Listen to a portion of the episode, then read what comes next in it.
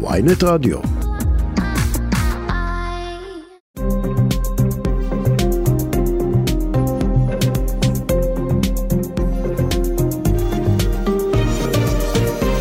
עכשיו בוויינט לייב, שרון קידון.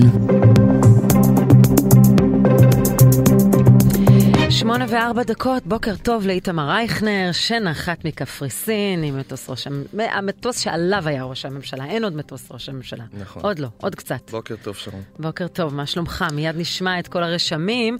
נגיד בוקר טוב לעורכת שלנו טס גדות, למפיקה יובל כהן, לטכנאי שידור תום חלד. רק כמה מילים, הרגשתם את מה שקורה, את, אותה, את אותו שיח על אה, פשרה לגבי המהפכה המשפטית? זה היה, זה היה שם בחלל המטוס? ברמיזות, תראי, בתד- בתדרוך עם ראש הממשלה, וצריך להגיד שזה תדרוך חצי היסטורי, כי זו פעם ראשונה מזה חצי שנה שראש הממשלה מתדרך עיתונאים. זאת בעצם התדרוך האחרון היה- בנסיעה הקודמת שלו והאחרונה ללונדון בחודש מרץ. אז הי- הייתה איזו הרגשה שמשהו השתנה, גם, גם זה עוד התחיל קודם, עוד לפני ההמראה ב... ב אה, בעלייה למטוס, נתניהו השיב לשאלות, זה גם כן דבר שלא קרה המון זמן. ובטיסה הוא פתאום הגיע לכתבים, והיה נחמד, ובדיחות, וצחוקים, זה לא נתניהו של... ש...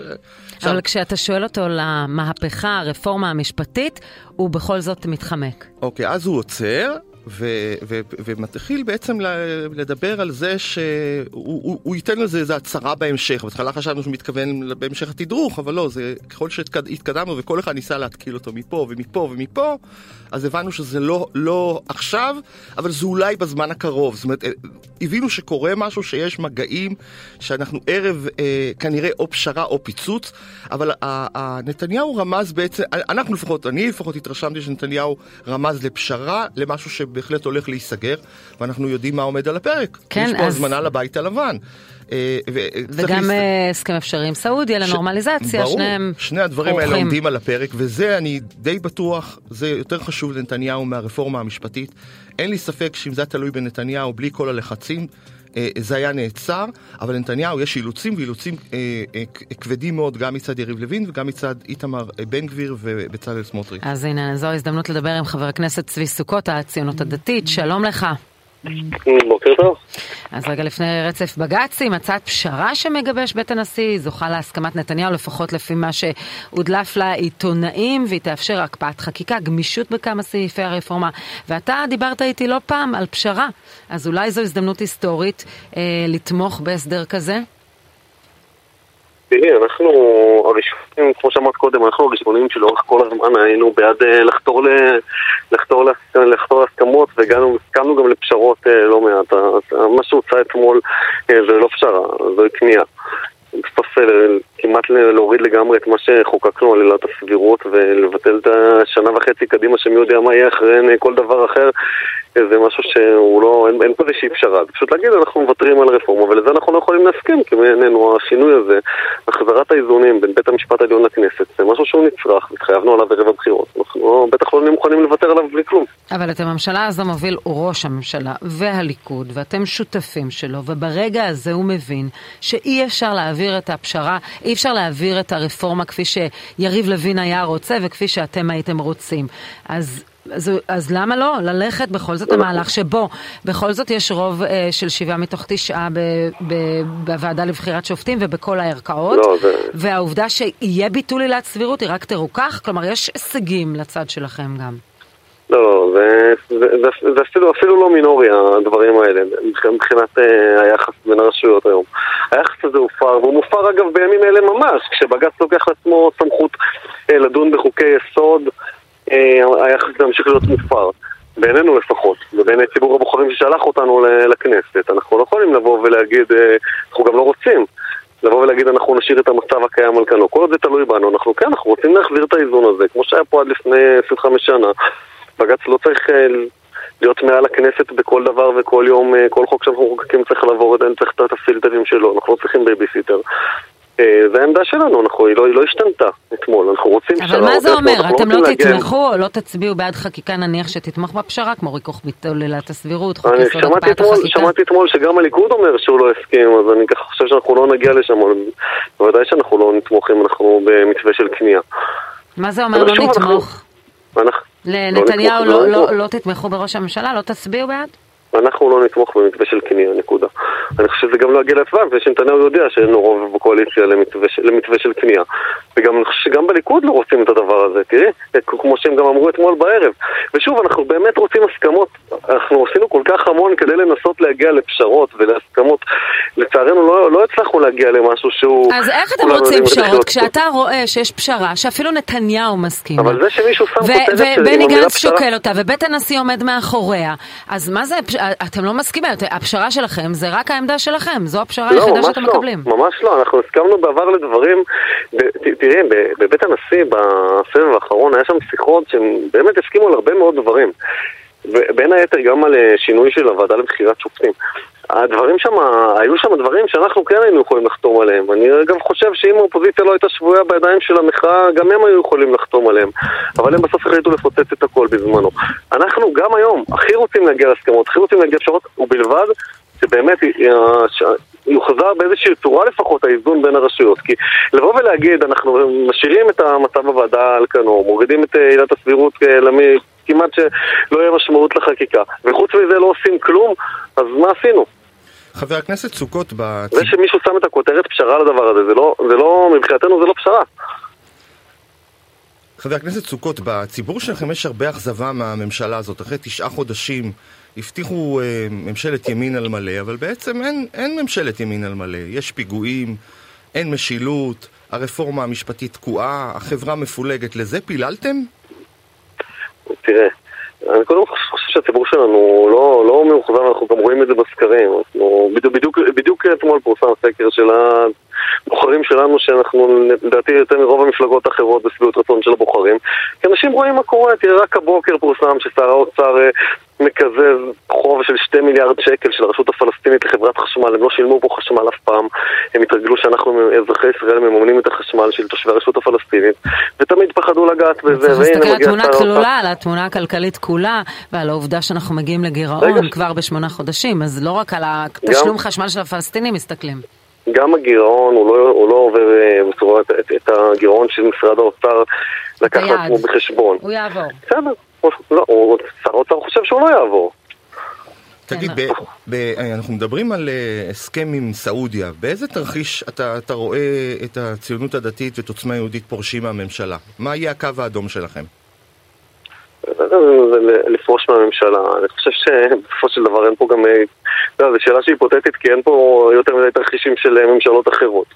בסוף, אנחנו, ואגב זו עמדה שגם נתניהו השמיע לאורך שנים, אנחנו נגד כל דבר שהוא פגיעה בביטחון ישראל. אנחנו כמובן חושבים שהסכם עם סעודיה זה דבר חשוב ומבורך ואנחנו מאוד רוצים שזה יקרה, אבל לא במחיר של פגיעה בביטחון ישראל ובעצם קיומה של מדינת ישראל. כל דבר שהוא יהיה באזורי חיוג האלה, אנחנו לא נסכים לו. כלומר, אין לנתניהו תמיכה גם בהסכם עם סעודיה, אם הוא יכלול ויתורים לפלסטינים. שאלה איזה ויתורים? מבחינת הציונות הדתית. אם, אם הוויתורים האלה יכללו דברים שבעינינו הם אה, פגיעה, פגיעה במדינת ישראל, פגיעה בביטחון ישראל, צעדים שיובילו אה, להקמה של מדינת טרור בלב ישראל, אנחנו לא ניתן לזה יד. אז, אז מדוע נתניהו, אנחנו יודעים שהליכוד הציעו איזושהי, אה, איזושהי הודעה שאין הסכמות, אבל נתניהו לא הכחיש אה, שהוא עומד מאחורי הסיכום הזה, ונאמר שהוא אפילו תומך בו. מה עומד מאחורי זה לדעתך? אני, תראה, אני לא, לא פרשן פוליטי, אבל אני חושב, אני חושב שהוא, גם נתניהו מבין שהסיפור הזה הוא לא פשרה. זו כניעה. יכול להיות שיש גורמים בתוך הקואליציה שהם חותרים למקום הזה, וזה בסדר, אנחנו לא, כולם צריכים לחשוב אותו דבר. אני חושב שהרוב המוחלט של הקואליציה מבין שהדבר הזה הוא לא, אין פה, הכותרת פשרה לדבר הזה, פשוט, אנחנו פשוט לא רואים את זה כפשרה. אין פה משהו שאנחנו מקבלים. אז מה האלטרנטיבה שלכם? מה אתם בעצם מציעים? להמשיך את, את מה שקורה במדינה? אנחנו, שוב, אנחנו חושבים שכן, שצריך להגיע לפחות בסיפור הזה של הוועדה לבחירת שופטים, לפחות שם להחזיר משהו. ושוב, אם אנחנו לא נצליח, אם אף אחד לא מוכן לבוא לדבר איתנו, כי הרי זה המצב היום. האופוזיציה הולכת ומפגינה, אבל אתם רוצים את זה, והחרדים רוצים את חוק הגיוס, ועל מנת שחוק הגיוס יעבור צריך אולי פסקת התגברות. זאת אומרת, כל אחד רוצה משהו. ופיצול אה, סמכויות היועמ"ש, כלומר אתם ממשיכים, זאת אומרת אתם אומרים להמשיך עם העניין הזה של חד צדדית, להמשיך עם אנחנו אומרים שאנחנו בכל דקה, המשפטית.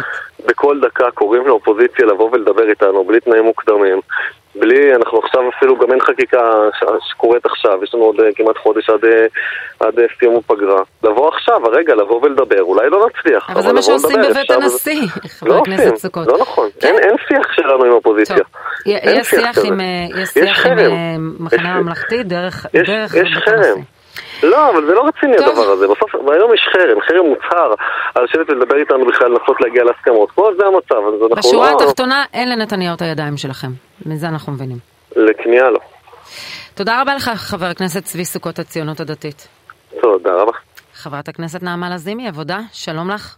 שלום, בוקר טוב. אז uh, שמענו את חבר הכנסת צבי סוכות לא תומך, אתם ודאי אולי מחבקים את הצעת הפשרה שעומדת על הפרק. אני דווקא חושבת שזאת אפילו לא, לא, לא הצעת פשרה במובן הזה, זה ככה נשמע ששנינו אומרים את אותו דבר רק בצורה הפוכה. תראה, הוועדה לבחירת שופטים נבחרה. האי כינוס שלה הוא שבירת באמת כל מוסכמה ו... אה, אין, אין, אין מילים. וכשאנחנו אה, רואים בפשרה שיש כאן התפשרות, אה, לפי מה שדווח בתקשורת, כן, לפי מה שאני ראיתי בדיוק כמוכם, התפשרות אה, על אה, זכות הווטו וההרכב שבוחר את השופטים, שבעה ולא חמישה, אה, זה כבר מראה שכאילו נבחרה ועדה, היא לא נוחה, ולמרות החוק שמחייב לכנס אותה, פשוט מצפצפים פעם אחר פעם. אני גם רוצה להגיד משהו יותר ערכי רגע פה. מחכים כמאה תקני שפיטה למינוי בכל הערכאות. מדברים על סחבת ועינוי דין. זה ממש זה. גם ככה ישראל נמוכה בממוצע של אה, אוכלוסייה פר נפש לשופטים אה, אה, בממוצע OECD. אז גם במובן הזה של האי מינוי עכשיו, אנחנו רק מעצימים משהו שהוא גם ככה באמת כבד על הציבור. בכל, כמו שאמרתי, השלום המחוזי, אה, דיני משפחה, אה, דיני עבודה, בכל הערכאות שבהם אנחנו אמורים לעשות את התפקיד שלנו, ופה השר לוין פשוט לא עושה את תפקידו. אני רוצה להגיד, משרד המשפטים הוא משרד מאוד מורכב. וחשוב במינויים לנציגים, בתקנות צריך לחתום עליהם והכל. המשרד משותק. משותק, אין גם מניעה כן, אבל, אבל יש לך כאן הזדמנות לפשרה שכוללת את הריכוך. ביטול עילת הסבירות, שכוללת את ה... הם ירדו מהעץ של, אה, לשינוי הוועדה לבחירת שופטים. מדובר רק על רוב אה, כיום של שבעה עד תשעה במינויים בבית המשפט העליון, וזה יהיה בכל הערכאות, והסיפור אה, של הקפאת חקיקה. למה אתם לא מחבקים את זה? צריך מה, לתת משהו. אני, אני, אני מבינה גם את הנרטיב שאת אומרת אותו, זאת אומרת, אני לא מתווכחת עם, ה, עם מה שאת אומרת, במובן שרגע להסתכל על זה גם ככה. כי אני, אני הרי הייתי בעד בזמנו להיכנס לבית הנשיא. זאת אומרת, רציתי בסוף שנצא מהסיפור הזה. אבל אני חושבת שיש לנו קודם כל עסק עם אנשים שהם לא דוברי אמת. אני אומרת משהו קשה, אבל זאת האמת. וגם אני חושבת שמה שקרה בפגרה האחרונה עם הקמפיין נגד צה"ל ועם הכל, כבר מעלה סימן שאלה גדול על כשירות האנשים ומי שיושבים שם. על משהו שהשתבש מאוד מאוד עמוק בדרך. זה אומר ששום פשרה לא תהיה מקובלת בעינייך, כי את לא מאמינה לנתניהו וכי את אומרת שאין להם כשירות. אני לא מאמינה בגלל שבאופן מושכל, לא בגלל תחושת בטן. אני כן גם רוצה לומר שיש גם מצד שני איזה הכשר בכלל מההפיכה הזו בעצם קבלת זה שחלק מהדברים יעברו. והיום אני מבינה שבדמוקרטיה אה, הבאמת מזדחלת שלנו על עבר דיקטטורה, אה, אסור לקבל את ההנחה שצריך שינוי באופן הזה. זאת אומרת, מה שאתה יודע שבאקלים אחר, במציאות אחרת, ובמציאות ניטרלית שהיא לא קשורה למשפט ולסוגיות באמת אה, אה, שהן יותר פרסונליות מאשר אידיאולוגיות, אפשר היה לדון ברפורמה שנוגעת גם בסוגיות האלה, כי בעיניי הרפורמה במערכת המשפט קשורה לעינוי דין וסחבת, קשורה לתקנות, קשורה להשקעה, קשורה להמון דברים שהם, הם גררו את בית המשפט להיות כל כך מתיש כמו שהוא היום. אה, לא המקומות שיריב לוין מדבר עליהם, אבל אוקיי, אפשר גם לדבר על האקטיביזם השיפוטי ועל ה, באמת המהפכה המשפטית שהייתה, אבל היה אפשר לעשות את זה בנחת אם היה, הייתה פה כוונת מכוון. בטח גם אם היו רוצים להגדיל את אה, חוקי היסוד או לעשות פה חוקה. אבל המצב לא שם, אנחנו לא עומדים שם. ונדמה גם, שימי לב גם לדפוס של, שלנו, שאימצנו אותו, צריך לתת להם משהו. כאילו לכולנו ברור שהרי זה מטורלל, ושיש פה איזה ונדטה אישית. ואנחנו מבינים שיש פה אנשים לא כשירים, שחייבים לקבל משהו בשביל איזה אגו, בשביל כבוד, בשביל לא יודעת מה, למרות שהמדינה הולכת לאבדון. אז אני אומרת גם משהו שהוא צריך רגע גם להיות הרבה יותר עקרוני, האנשים האלה לא כשירים. חברת הכנסת לזימי, את מדברת, כן. את בעצם לא מוכנה לקבל אף פשרה, וצריך גם להזכיר למאזינים שאתם בכלל סירבתם להיכנס למשא ומתן, אז אולי אתם בכלל מדברים מפוזיציה, אולי זה קשור לזה שאתם לא למה עוברים... סירבנו? אנחנו דווקא נכנסנו לבית הנשיא. נכנסנו, אה, לא שיתפו לנו מה קורה שם, יצאנו בגלל שנאלצנו לצאת. דווקא במובן הזה, אני גם הייתי מאלו שהיו בעד להיכנס לבית הנשיא, ההתנהלות הייתה לא טובה. אבל אני אומרת לך שגם עברו מים בנהר מאז. היה את התרגיל שעשו בוועדת בחירת שופטים. אה, אתה, אתה יודע שגם אה, בערב שעברה, אה, עבר ביטול עילת הסבירות, כשניסו לעשות את הפשרות, בתוך המליאה ממש, שגלנט כיתת רגליו, יריב לוין הרי לא הסכים כי זה היה מחייב אותו לכנס את הוועדה. כי הפעלת תהיה סמכות, זאת אומרת גם בעילת הסבירות. זאת אומרת, יש פה ממש מצב שאנחנו שבויים של שר ששכח את תפקידו. ואני חוזרת ואומרת לך, משרד המשפטים הוא משרד מורכב, הוא זקוק לשר. הוא זקוק לתפקוד מלא. אבל בשורה התחתונה, אתם לא תתמכו בהסכם פשרה מהסוג הזה. אתם לא מאמינים. לא, אני גם, את- אני גם חושבת שמה זה עמדת, זה, זה עמדת. המפלגה? לגמרי, מהמם. לגמרי. טוב, אנחנו במובן הזה הבנו אם יש לנו עסק, אבל תראי, בסופו של דבר, אני, אני באמת מקווה שהמצב הזה ייפתר, אבל מתוך אחריות לאומית, לא כדי אה, להגיד לנו זה מה יש, אנחנו יכולים להעביר מה שאנחנו רוצים, בואו ת, ת, תלחצו על משהו שמטעיד את ישראל אל עבר מקום מאוד מאוד לא טוב להיות בו. אנחנו דווקא רוצים לבצר את ההגנות של המדינה היום. אם כבר הבנו שהדמוקרטיה פה היא מתגוננת, היא דמוקרטיה על תנאי. וזו התפכחות שהיא התפכחות הרבה יותר אה, גדולה ממה שהיינו בו בתחילת הדרך. חברת הכנסת נעמה לזימי העבודה, תודה רבה לך. תודה רבה לכם, בוקר טוב. אה, אז איתמר, אפשר להגיד הנ"ל ז"ל על הפשרה הזו? אני לא בטוח. אוקיי. דווקא אתמול העובדה שגם נתניהו וגם אה, בית הנשיא, יותר נכון הנשיא, לא הגיבו לפרסום, למעט איזו תגובה רשמית קצרה של בית הנשיא, ש, שאמר שלא היו הסכמות, ותגובה של הליכוד, אגב, לא של לשכת כן, ראש הממשלה, זה נכון. תמיד, אה, אמרתי לך שמרחב ההכחשה פה הוא, אה, זה מילת המפתח. אה, אני בכלל לא בטוח שזה גמור בגלל שנתניהו חייב להגיע לבית הלבן. אין לו עוד הרבה זמן, אנחנו מתקרבים, זה שבועיים והזמן הולך כן. ומתקצר.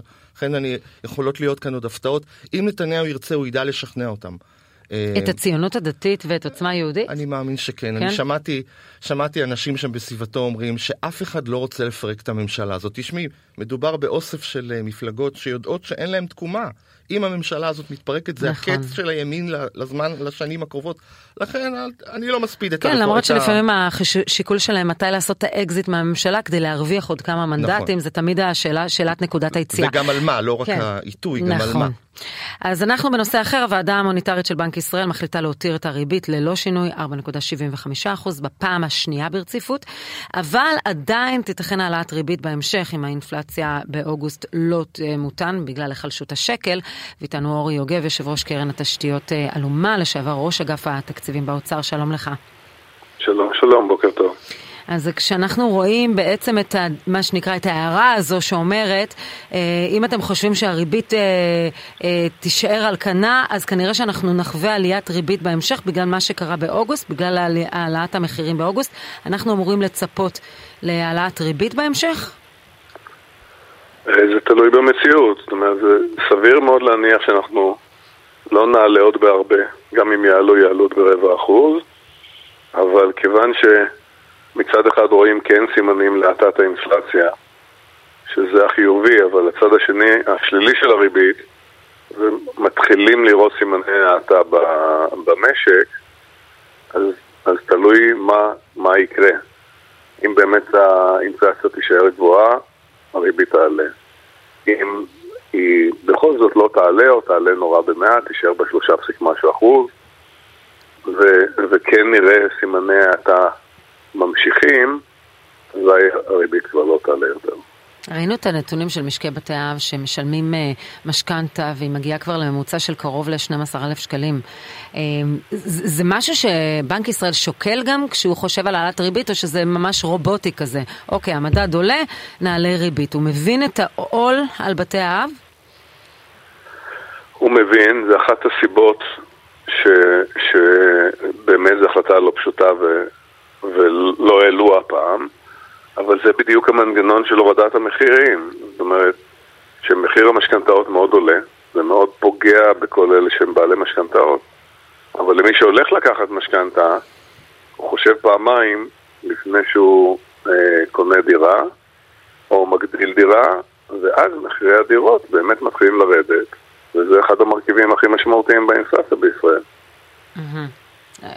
כן, למרות שהביקושים האלה הם כלואים, כי בהמשך הם יגיעו, הם יתפרצו לשוק ככל שתרד הריבית, אז אנשים כן יתחילו עסקאות, ואז שוב המחיר יעלה.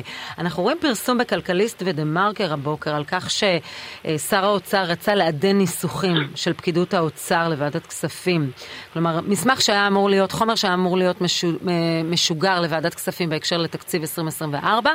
שר האוצר לא אהב את ההערות של אה, פקידות האוצר לגבי החוסר ודאות וההשפעה הקפאת הרפורמה המשפטית והוא מבקש לעדן, הם מסרבים, אז הוא שולח מסמך משלו. התנהלות מהסוג הזה, אתה זוכר? אתה מכיר? לבוא המזל, כן.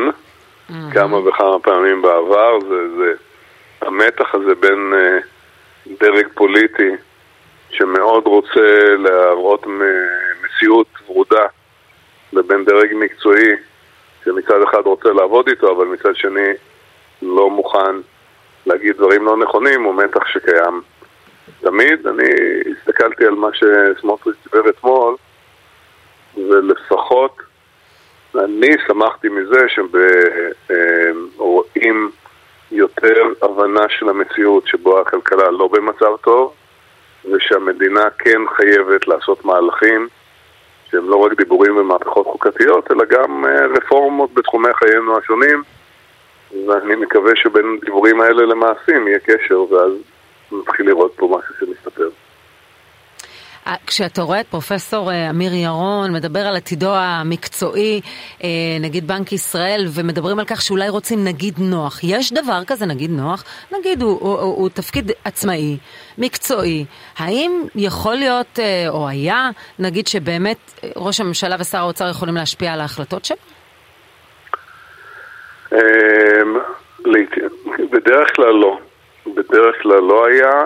אני חושב שיש לנו באמת נגיד מצוין. אני הייתי מאוד שמח אם הוא יישאר לתקופה נוספת, ונראה בשבועות הקרובים מה באמת אה, ראש הממשלה מחליט בעניין הזה. אבל, אבל גם אם מחליפים אותו, והיו מספיק מקרים שנגיד אה, כיהן קדנציה אחת ולא שתיים, חשוב בעיקר מי, מי מביאים במקום. אה, אין ספק שאם חלילה יביאו אה, מישהו לא מתאים מבחינה מקצועית או, או, או מחויב מדי אה, לממנו, אז יהיה מסר מאוד מאוד קשה לכלכלה הישראלית. אתה חושש אני, ממצב אני, כזה אני שיחפשו נגיד נוח?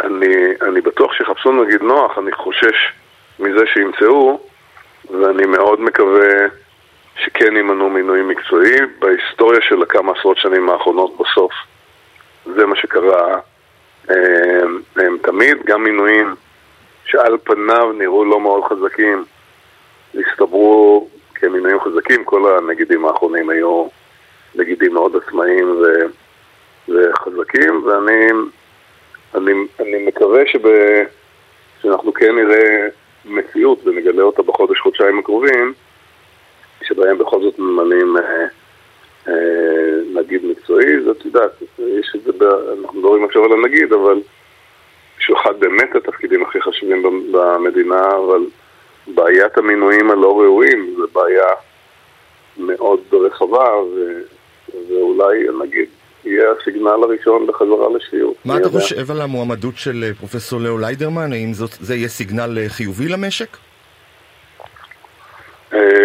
בתור דוגמה ספציפית, אה, ליאו לדרמן ברור שהם מתאים. הוא איש מקצוע, הוא לא יעבוד אצל אף אחד. ויש, אבל יש באמת אה, לא מעט מינויים אה, ראויים. החשש כמובן הוא מכאלה שלא מתקרבים ל...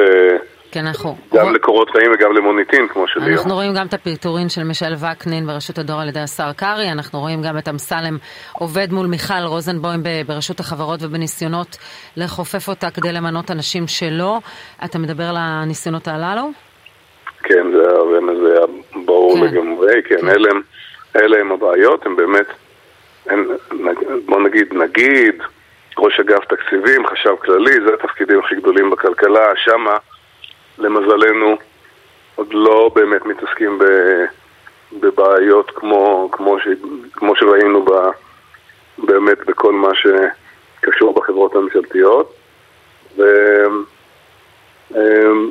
והכלכלה מגיבה, אנחנו הרי בסופו של דבר כן רואים את חוסר האמון במדיניות הכלכלית שמתבטא גם, גם בבורסה וגם במחיר המטבע, אז, אז אני בהחלט אה, מקווה, כמוכם, ש, שהממשלה כן אה, תתחיל לנהל את הממשלה אה, בהבנה שמהלכים שהם עושים כן משפיעים על, על יוקר המחיה, על הצמיחה, על הכל. הרבה ישראלים מודאגים משער הדולר, אנחנו מתקרבים עכשיו לתקופת החגים, הרבה ישראלים נוסעים לחו"ל. איך אתה, כאילו, איך אתה רואה, אנחנו, השער מאוד גבוה, אה, שלוש שמונה, ואיך יש, ישפיעו המגעים ל, לרפורמה על זה? זאת אומרת, אם יהיה פה פיצוץ, אנחנו מדברים על מה? הדולר יעלה את הארבעה שקלים? מה, מה התחזית שלך כאן? לא, בוא נגיד ככה, הדולר הגבוה מבטא מצב של, אה, של עימות משמעותי ושל אה, כן המשך בתהליכים של החקיקה המשפטית. דווקא פשרה ככל שתגיע תייצר תיסוף משמעותי. אני חושב שבנק ישראל פרסם אתמול, פעם אחרונה, שיש לנו משהו כמו עשרה אחוז אה, בשער החליפין שנובע מכל, ה...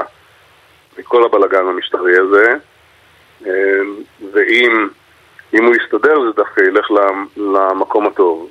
ברור שאם אה, כן אה, יחזרו פתאום ויחוקקו בוועדה למינוי שופטים וכל הדברים האלה, אז אה, סבירות גבוהה באמת שהדולר ימשיך לטפס לכיוון הארבע.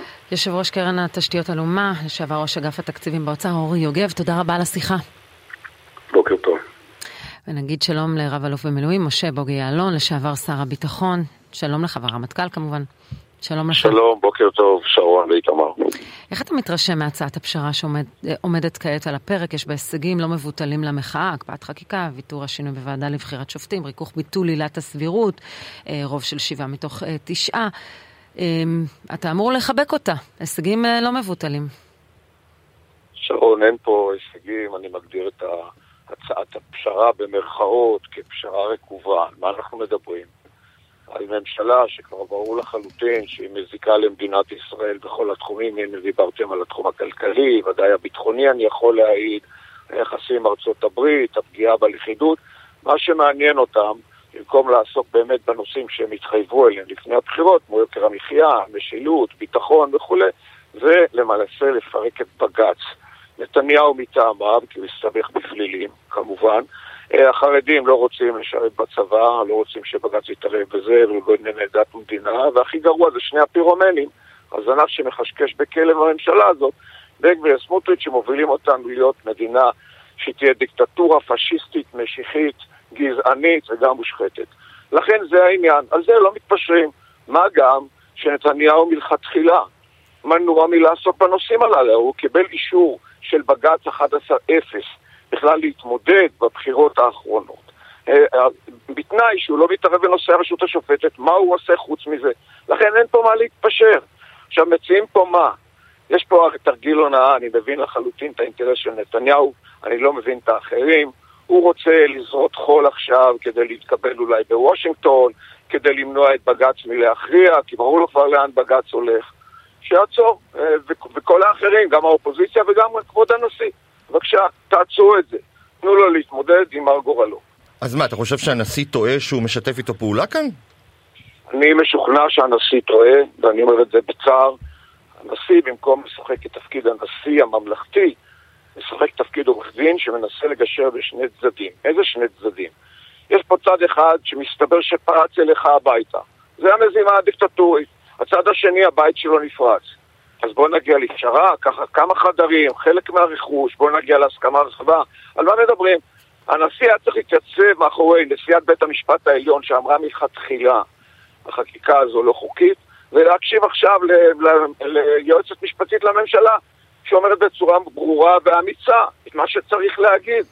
החקיקה שלכם היא לא חוקית. אז מה, אתה רומז לא כאילו נשיא המדינה משתף פעולה עם איזשהו ניסיון ההפיכה? אני לא, לא בוחן כליות ולב, וזה צריך לשאול את הנשיא אישית. אבל מה, מהרגע שהוא, בהתחלה באמת הוא עמד איתן ואמר, תעצרו.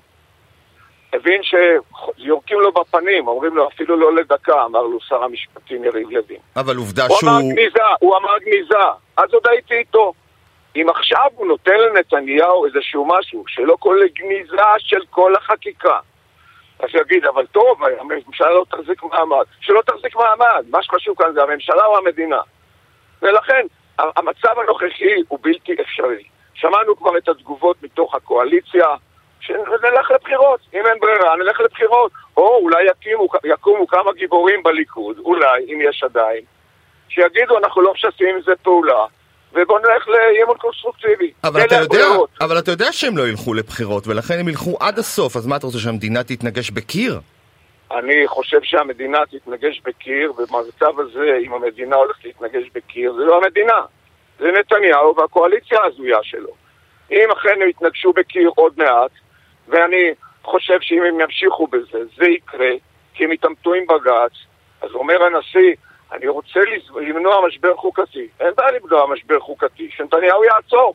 מה זה משבר אבל, חוקתי? אבל אומר- אני שומעת מדבריך כאילו אתה לא מאמין בתום הלב של הנשיא בניסיונות. אתה, יש לך תחושה שעושה לא- יד אחת לא- עם נתניהו. אני לא מאמין, אני לא מאמין בתום הלב של מי שאמור להתחייב, שקוראים לו נתניהו, שהתחייב לגנץ בזמנו, כולל עם חקיקת חוק יסוד, ממשלת חליפין, שהם התחלפו, ועקץ אותו. אני לא מאמין למי שכרגע אומר שבעצם הוא התנגד לאותו הסדר שהממשלה שלו אישרה בנושא המסתננים, כן, על רקע מה שקרה בשבוע האחרון. אין לו בעיה לשקר. אני ישבתי באחד האולפנים כשהוא נואם ורואים שאני סופר עם האצבעות. אמרתי, תראו, מה, מה, מה עשיתי? אני ספרתי את השקרים. כשאני מגיע לעשר אני עוצר. אני אומר את זה ב... צר לי להגיד את זה על ראש ממשלת ישראל, אבל זו המציאות. ולכן אם הנשיא רוצה באמת ל- ל- ל- לפעול לטובת המדינה, ושיקרא לגניזה עכשיו, ושנתניהו יעשה מה שהוא יכול לעשות. אם הם רוצים כל כך אה, אה, להגיע לפשרה, יש לו 64 אצבעות, שינסה. אנחנו מבינים שגנץ הוא היחיד אה, שיאיר לפיד לא מעורב, גם שמענו מהעבודה שהם לא מעורבים בשיחות בבית הנשיא, רק אה, בני גנץ, המחנה הממלכתי, מעורב בזה. אתה חושב שהוא ייפול למלכודת, חושש שהוא ייפול למלכודת הזו? לדבריך המלכודת. אני לא יודע. אני, שאני שומע את זה, ואני מקווה שזה לא נכון, אחרי שהוא היה אמור ללמוד לקח, שנתניהו עקץ אותו בפעם הקודמת, ואני הזהרתי אותו מראש, הרי היינו ביחד. זה גרם לפיצול. אז אני זוכר את שיר הילדים שלנו, פטי מאמין לכל דבר. אני מקווה שזה לא נכון הפעם. מה אתה מייעץ לבית הלבן לעשות עכשיו? האם אה, להודיע לנתניהו שכל עוד אין אה, גניזה של הרפורמה המשפטית הוא לא יקבל הזמנה לפגישה לא בניו יורק ולא בבית הלבן? אני לא מייעץ לבית הלבן, אבל אני חושב שאמירתו של הנשיא ביידן לפני מספר חודשים, שאמר, אם הרשות השופטת במדינתכם לא תהיה עצמאית, אתם לא דמוקרטיה, ואנחנו מאבדים את בסיס הערכים המשותפים. ואני, כמי שפגש לא מעט אמריקאים, גם בימים הללו, תמיד אנחנו מדברים אינטרסים משותפים, ערכים משותפים.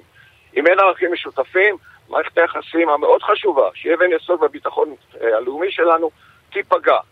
אני, הנשיא ביידן אמר את דברו, והנה כרגע, הוא לפחות לא, לא מקבל אותו בוושינגטון, אולי יקבל אותו בניו יורק, אני מקווה שיסביר לו כמה דברים. ברור לי שנתניהו רוצה מאוד פגישה עם הנשיא, בוודאי בוושינגטון, מאוד רוצה להשתמש בנושא הסעודי כדי לשפר את מצבו הפוליטי, כולל מכירת נכסים ביטחוניים, שמעתי את דורון דרמר מתראיין בארצות הברית והתחלחלתי. אתה ככה נותן לסעודיה יכולת העשרת אורניום עצמאית, לפתוח פה מרוץ חימוש גרעיני במזרח התיכון. הכל פה משובש. יש פה ראש ממשלה, שאני טוען כבר הרבה זמן, איבד את סדר העדיפויות הנכון, הוא משרת את עצמו, לא את המדינה, לא את האזרחים שקוראים תחת נטל יוקר המחיה, לא את הביטחון, לא את המשילות. אנחנו מגיעים כל יום לשיאים חדשים בתחומים הללו, שיאים שליליים. אבל במקום יבוא ראש. הממשלה ויראה לממשל האמריקני שהנה הוא אמר שהוא מסכים לפשרה ואז הוא יראה את זה שראשי המחאה, ואני יכולה להתייחס אליך גם מראשי המחאה, מתנגדים לחלוטין, באופוזיציה מתנגדים לחלוטין. הוא אומר, אני יזמתי פשרה שהיא מרחיקת לכת בעיניי, והנה לא. זאת אומרת, יש לו, יש לו, כמו שאיתמר אה, הציג את זה, זה כמו תירוץ למורה, יש לו פתק למורה. אז זה בדיוק ככה אני אתייחס לזה, פתק למורה, זה בדיוק מהות ההונאה. אבל יש לו איזה יכולת להעביר את זה? שמענו מיד את uh, עוצמה יהודית, כמו שהם קוראים להם, ציונות דתית, כמו שהם קוראים להם, וכן הלאה, מתנגדים. וגם למה? בליכוד יריב לוין תומך, אז אין לו, אין לו את זה ביד. יש לו את זה בתור ספין, ולכן צריך לחשוף את זה כספין. מר ילון, אי אפשר בלי התייחסות שלך למצב הביטחוני, בעיקר באזור ג'נין, אנחנו רואים שם כל יום עליית מדרגה, אתמול אה, הצבא משתמש בכטב"ם מתאבד נגד חוליית חמושים, זה נראה שאנחנו צועדים שם ממש לאיזה סוג של לבנון. אנחנו כבר תקופה ארוכה נמצאים במצב של עליית גל טרור. גם בזה צריך לבדוק את עצמנו. מה קרה בשומר חומות, מה הביא לשומר חומות, מה קרה מאז.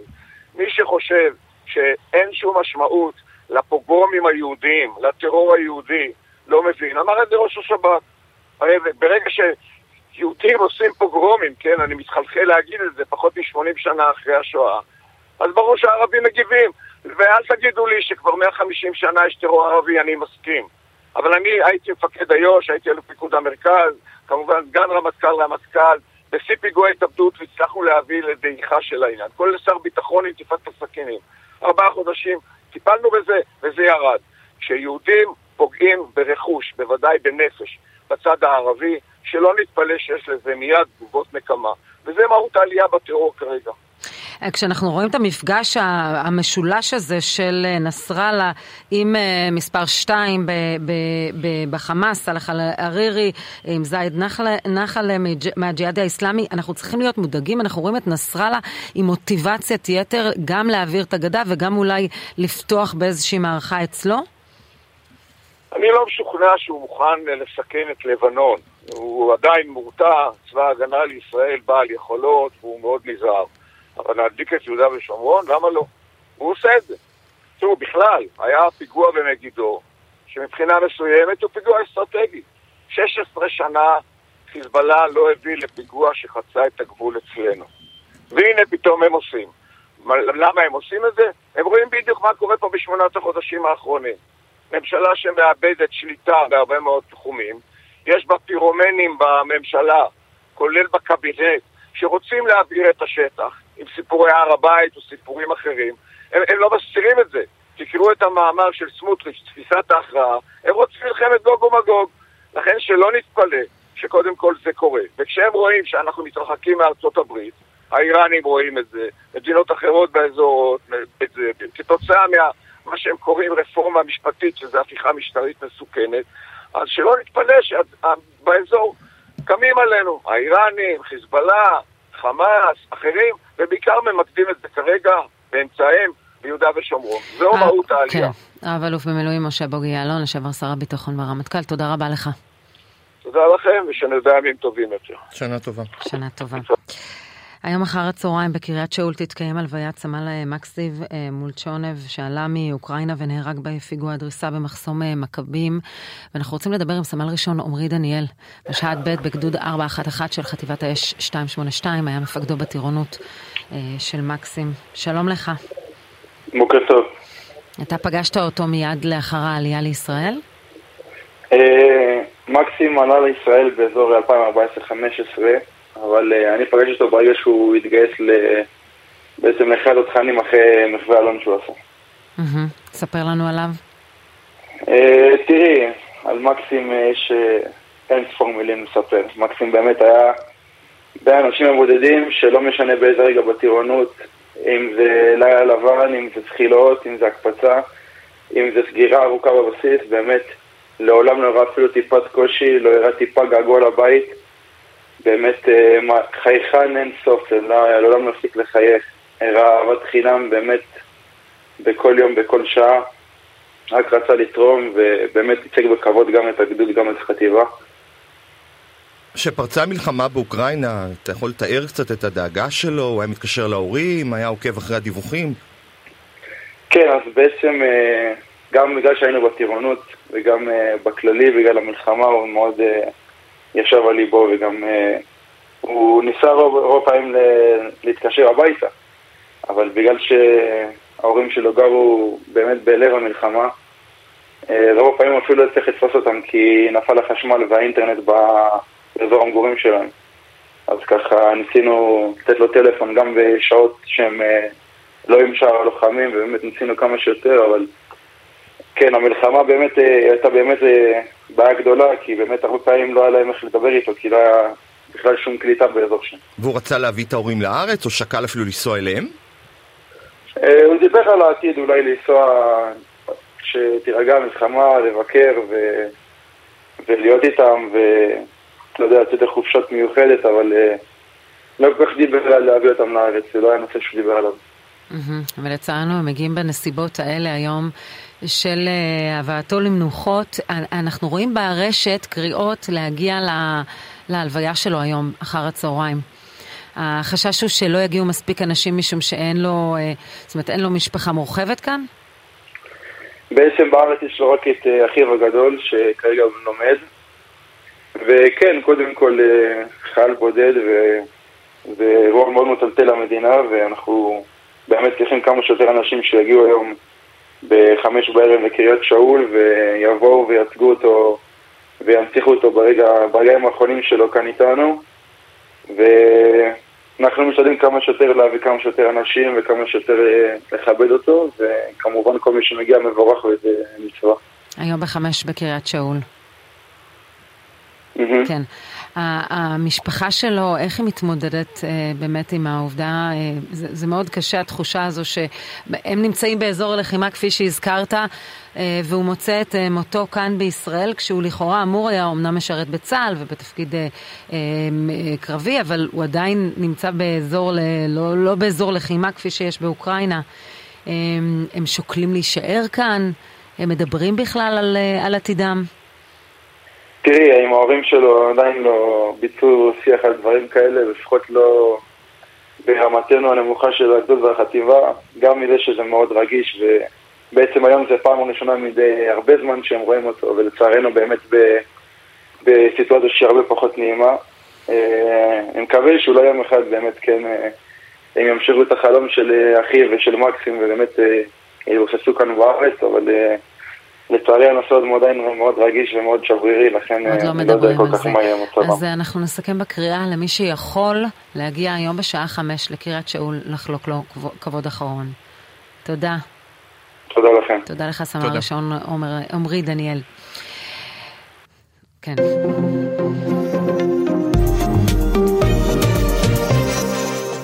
נשמים קצת, דברים אחרים, אבל גם נגוע בפוליטיקה.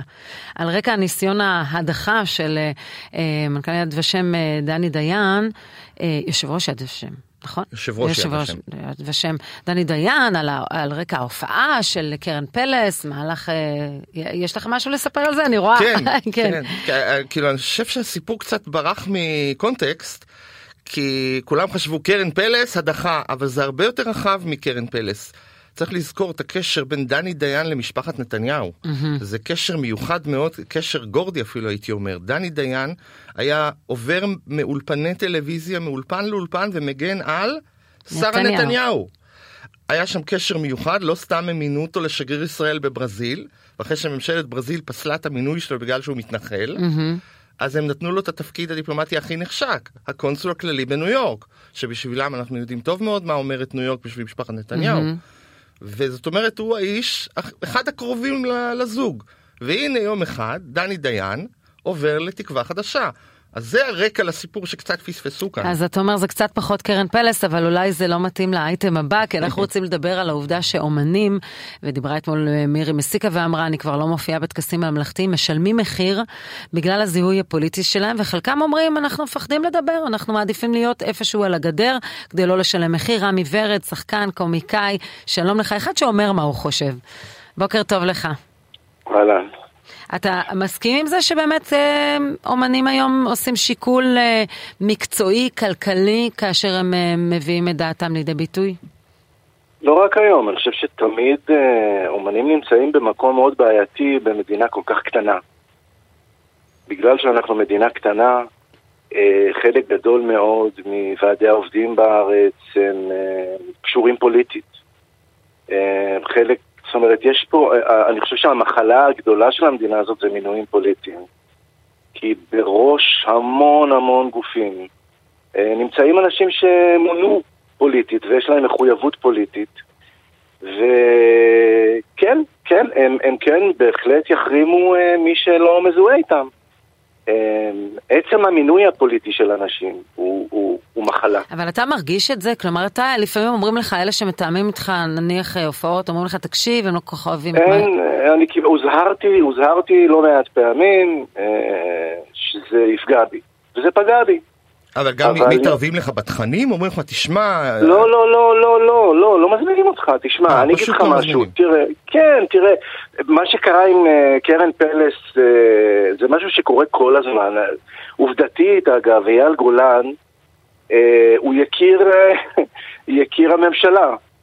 עכשיו, רק בגלל התמיכה שלו בנתניהו, זאת אומרת שקרן פלס, אייל גולן, אם אני הייתי חושב מי לא ראוי להיות אה, לפחות לפי הרזומה, אה, כנציג, אה, כמישהו שמוזמן לאירועים ממלכתיים, אז ברור שקרן פלס היא בן אדם הרבה יותר ממלכתי ממנו. אבל אין קשר לממלכתיות, יש קשר למי שייך לקבוצה שלנו ומי לא, ואני חושב שמי שגרם לזה, תראה, זה, זה התחיל, אני זוכר שאני התחלתי לכתוב את דעתי המאוד מתונה בהתחלה על נתניהו, כי לא אהבתי את ה... אני מודה, הבעיה שלי הראשונית שהייתה עם נתניהו זה לא התיקים ולא הזה, אני אבא ל, לילד עם צרכים מיוחדים, ואני הבנתי די בשלב שממשלות נתניהו, לא אכפת להם. לא אכפת להם מנושאים חברתיים בכלל, לא אכפת להם מכלום. הם דואגים לממשלת הליכוד, ממשלות הליכוד דואגות לטייקונים, דואגות לאוליגרכים, דואגות למי שיכול לסדר להם אחרי זה ג'ובים. והבנתי שהממשלה הזאת רעה למי שחשוב לו נושאים חברתיים, אז ההתחלה שלי הייתה עם זה. זה מה שהפריע לי לפני כל התיקים, וזה גם מפריע לי עד היום, היום יותר מכל התיקים. והתחלתי לקבל בטוויטר ובפייסבוק אזהרות, וזה יפגע בך, ולא יזמינו אותך, ולא זה, וזה אתה תשלם. למה לך להגיד את דעתך? יש פה מערכת שלמה, ממומנת, שעובדת בזה. אבל. השאלה היא, אם יש כאלה שאומרים, מעבר לשיקול האופורטוניסטי, אני לא רוצה לפגוע במטה לחמי, אני לא אגיד את דעתי, השאלה אם אומן בא לבדר, או בא לענג אנשים במוזיקה, בקומדיה וכולי, למה הוא צריך אה, להביע דעה פוליטית? אנשים צריכים טיפה לא? לנוח כל מזה. אדם, אנחנו חיים במדינה דמוקרטית. זה שאתה אומן, זה לא אומר שאתה לא יכול להגיד את דעתך. לדעתי הממשלה היום היא אחד הדברים הכי זוועתיים שהיו אי פעם בהיסטוריה. לדעתי במ- בממשלות ישראל אה, לא היה, לא היה כזה דבר. אני, אני לא, אה, למה שאני לא אגיד? למה שכל אזרח, למה שמהנדס יכול להגיד את דעתו ואומן לא יכול להגיד את דעתו? אם לא היינו מדינה כל כך קטנה, שלממשלה יש זרועות בכל מקום, אתה חושב שהאומנים שלא אומרים את דעתם הם פחדנים? אה, במידה מסוימת כן. במיוחד אלה שיכולים להרשות לעצמם. אם אתה יכול להרשות לעצמך ואתה סוטן במצב שבו אתה יודע שנעשים דברים, תראי, כשאני, אה, אה, כשאני גיליתי שראש העיר הקודם של פתח תקווה עשה קומבינה עם ש"ס ופגע בבן שלי, לא רק בו, אבל בקבוצה של בוגרים אוטיסטים, נכנסתי למלחמת עולם, לא היה אכפת לי מה ההשלכות של זה. אה, ת, תן לנו דוגמה למחיר ששילמת, מקום שנניח אתה אומר פתח תקווה, אז מה, לא מזמינים אותך יותר לשם? לא, מה פתאום, פתח תקווה במקרה יש ראש עיר, אה, הוחלף בגלל המלחמה שלי, אבל זה לא העניין בכלל. זה לא, אני לא יכול לתת לך דוגמה ספציפית, אני יכול להגיד לך שנאמר לי לא פעם ולא פעמיים, לא, לא, הוא, אה, זה, הוא נגד ביבי, אנחנו לא רוצים להזמין אותו. עד כמה זה פוגע ב- ב- בעסק שלכם, בביזנס שלכם? כאילו, אומן שהוא לי- נגד לי- הממשלה, לי- אתה מרגיש את זה בכיס? מאוד, בי זה פגע מאוד. באחוזים, כן. בהזמנות, כמה ירדו לך הזמנות? מטורף, מטורף. תחשוב רגע כמה מוועדי העובדים במדינה וכמה מהעיריות במדינה וכמה הם, הם מקושרים ל, ל, לליכוד. אז מה אתה עושה? מה התחליף שלך? מה זאת אומרת מה התכלית שלי? אין לי שום תכלית. לא אני- תחליף, לא, תחליף. שאני- תחליף. לא הבנתי מה שאתה אומר. תכלית עם כף? תחליף, הכוונה אתה, אתה מחפש קהלים חדשים? איך אתה מוצא לזה מענה? אני לא מחפש, תשמע, יש אבולוציה, אני, זה לא משהו של יומיים, יש אבולוציה שקורית לבד.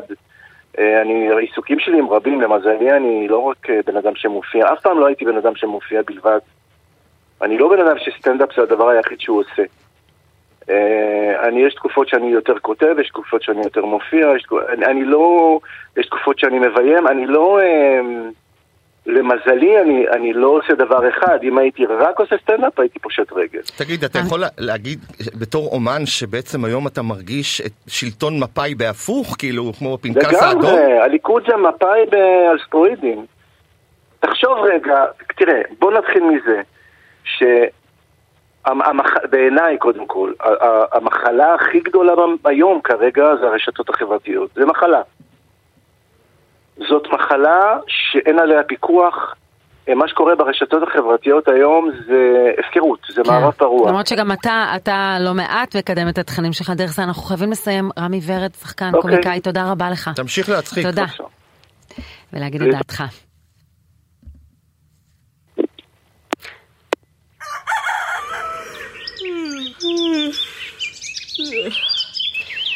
בוקר טוב ליוסי אלפי, סופר, תסריטאי, איש תיאטרון, משורר, פסטיבל מספרי סיפורים בעיקר. שלום לך. שלום וברכה. 30 שנה לפסטיבל. יואו, יואו, יואו, יואו. ילד יו. גדול. אני, אני, אני, אתה יודע מה, לא, לא חגגתי ככה את uh, חגיגת ה-30 שנה להולדתי, כמו שאני חוגג את זה, כי זה ברור מאליו שאני צריך לשים לב לזה. תיארת לעצמך שזה יתפוס ככה ויחזיק מעמד כל כך הרבה שנים ויהיה מזוהה איתך? האמת שלא, כי אני הייתי כל כך עסוק תמיד, וכל כך, אה, מה זה, פה אני מביים, ושם זה, וכאן אני מנהל תיאטרון, וכאן... מה פתאום אני עכשיו אתחיל להתעסק עם דבר כזה, אבל איכשהו זה בא לי, ומאותו יום שצעדו גמלים בגבעתיים, כי לא, לא היה לנו כסף לפרסום, ושמנו, שמנו אה, גמלים בגבעתיים עם, עם אה, שתיים, שלוש משפחות בדואיות, והגמלים הלכו ברחוב ויצמן, ופשוט חרבנו על הרחובות, וכולם ידעו, כולם ידעו שיש פסטיבל. היום זה כבר פרסום, זה דבר חלק מהחיים שלנו. ואנחנו הולכים לעשות פסטיבל השנה, מצד אחד מעורב, אבל מצד שני אנחנו מספרים סיפורים. מה ההבדל בין לספר סיפורים לבין לדבר? כשאתה מדבר, אתה מעביר את הזמן. אבל כשאתה מספר אתה מקבע אותו. אתה פשוט הופך את הזמן לדבר שאתה תזכור. ואם אנחנו מסתכלים על דברים בחיים, אנחנו רואים מה אנחנו זוכרים. אנחנו זוכרים רק את הדברים שהשאירו בנו סיפור. ואת זה אנחנו עושים. אומנות, אה, אומנות הסיפור זו אומנות בפני עצמה. בעצם כל אחד מאיתנו מספר סיפור. איתמר, כשאתה צריך להביא ידיעה, בסוף אתה מספר גם סיפור, כי אתה צריך לעניין. מה אנחנו צריכים לדעת על לספר סיפורים? איך עושים את זה? קודם כל אתה צריך לדעת שכולם מספרים סיפורים. ברגע שאתה מודע לזה, אתה לא מבלבל לאנשים את המוח. אז אתה גם מקשיב. והדבר החשוב ביותר שאתה צריך לדעת, שלספר סיפור זה לדעת להקשיב. ואם אתה מקשיב, אתה בעצם יצרן סיפורים יוצא מן הכלל. יוסי, אתה בטח תגיד שכולם היו בניך, אבל מכל הסיפורים ששמעת, אני מניח שכבר מדובר באלפים. מה הסיפור שהכי נחקק בך, הכי טלטל אותך, שלא תשכח לעולם? רצח רבין. זה היה הסיפור ששינה את חיי, ואני חושב שזה שינה את, את חיי אלה שנולדו עד אז ושייוולדו מאז בארץ הזאת. כי זה, זה הסיפור הכי גדול שקרה. מאז מלחמת השחרור זה בעצם הסיפור הכי גדול. אתה מדבר על סיפור חיינו, ו- ואתה מרגיש שעד היום אנחנו חיים כן. במובן מסוים את, ה- את, את החלק שאחרי האירוע. ברור, אנחנו חיים את הסיפור עצמו. כל אחד בדרכו שלו, כל אחד. גם אלה שחושבים שזה לא נגע להם. גם אלה שחשוב, שחושבים אפילו, ואני אגיד את זה בגסות, שאמרו לי בפנים אל פנים שטוב שרצחו את רבין. וואו. אז בניגוד לשנה שעברה, בשנה הזו, אמנם 30 שנה וחגיגות וכולי, אבל אתה חושב שתצליח לכותלי הפסטיבל למנוע את כניסת הוויכוח החברתי הכל כך נוקב? אני חושב שכן, כי כמו שאמרתי, זה סיפור, זה לא רעיונות. אנשים באים עם מטענים מסוימים ומספרים סיפורים. אז אם, אם בית המשפט העליון באים לספר סיפורים מבית המשפט העליון, ואיך זה קרה כל הדבר הזה, 75 שנים כבר. מי יגיע? יגיעו אה, אהרון ברק, ויגיד... נו באמת, אתה חושב שלא יקומו אנשים בקהל ויתחילו להתווכח? לא, כי הם קנו כרטיס כדי להקשיב. כדי לשקוע בנוסטלגיה, אבל בכל זאת, מה לא תשאל אף שאלה אקטואלית? אה, מגיע אדם שבגללו הכל קרה. אקטואליה זה לא חומר נפץ, אקטואליה זה דבר ש, שמעודד את הסיפור עצמו. אה, יבואו, יבואו גם אה, איילה פוקצ'ה, יבואו חנן מלצר, יבואו שלמה לוין, ודבורה ברלינר, ודוד חשין ועוד. אני רוצה אבל... לשבת בסיפור הזה. יאללה, בואי. מתי זה קורה? ב-26, זה, זה אירוע הפתיחה של הפסטיבל. אה, זה ב-26 בספטמבר. אני כבר בספטמבר, יאללה, אני לא מאמין. כן. זה הורג אותי לדעת שאני כבר בספטמבר. 26 לספטמבר, אה, פסטיבל מספרי סיפורים, העליונים מדברים. העליונים מדברים ואנחנו לא בתחתונים, אנחנו פשוט אה, מקשיבים.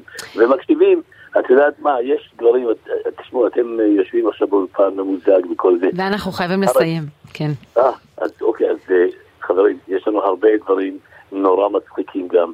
אגב, על בית המשפט יהיו שם סיפורים נורא מצחיקים, כי אנשים יספרו גם דברים על, על מה קרה לאנשים בהיותם שופטים.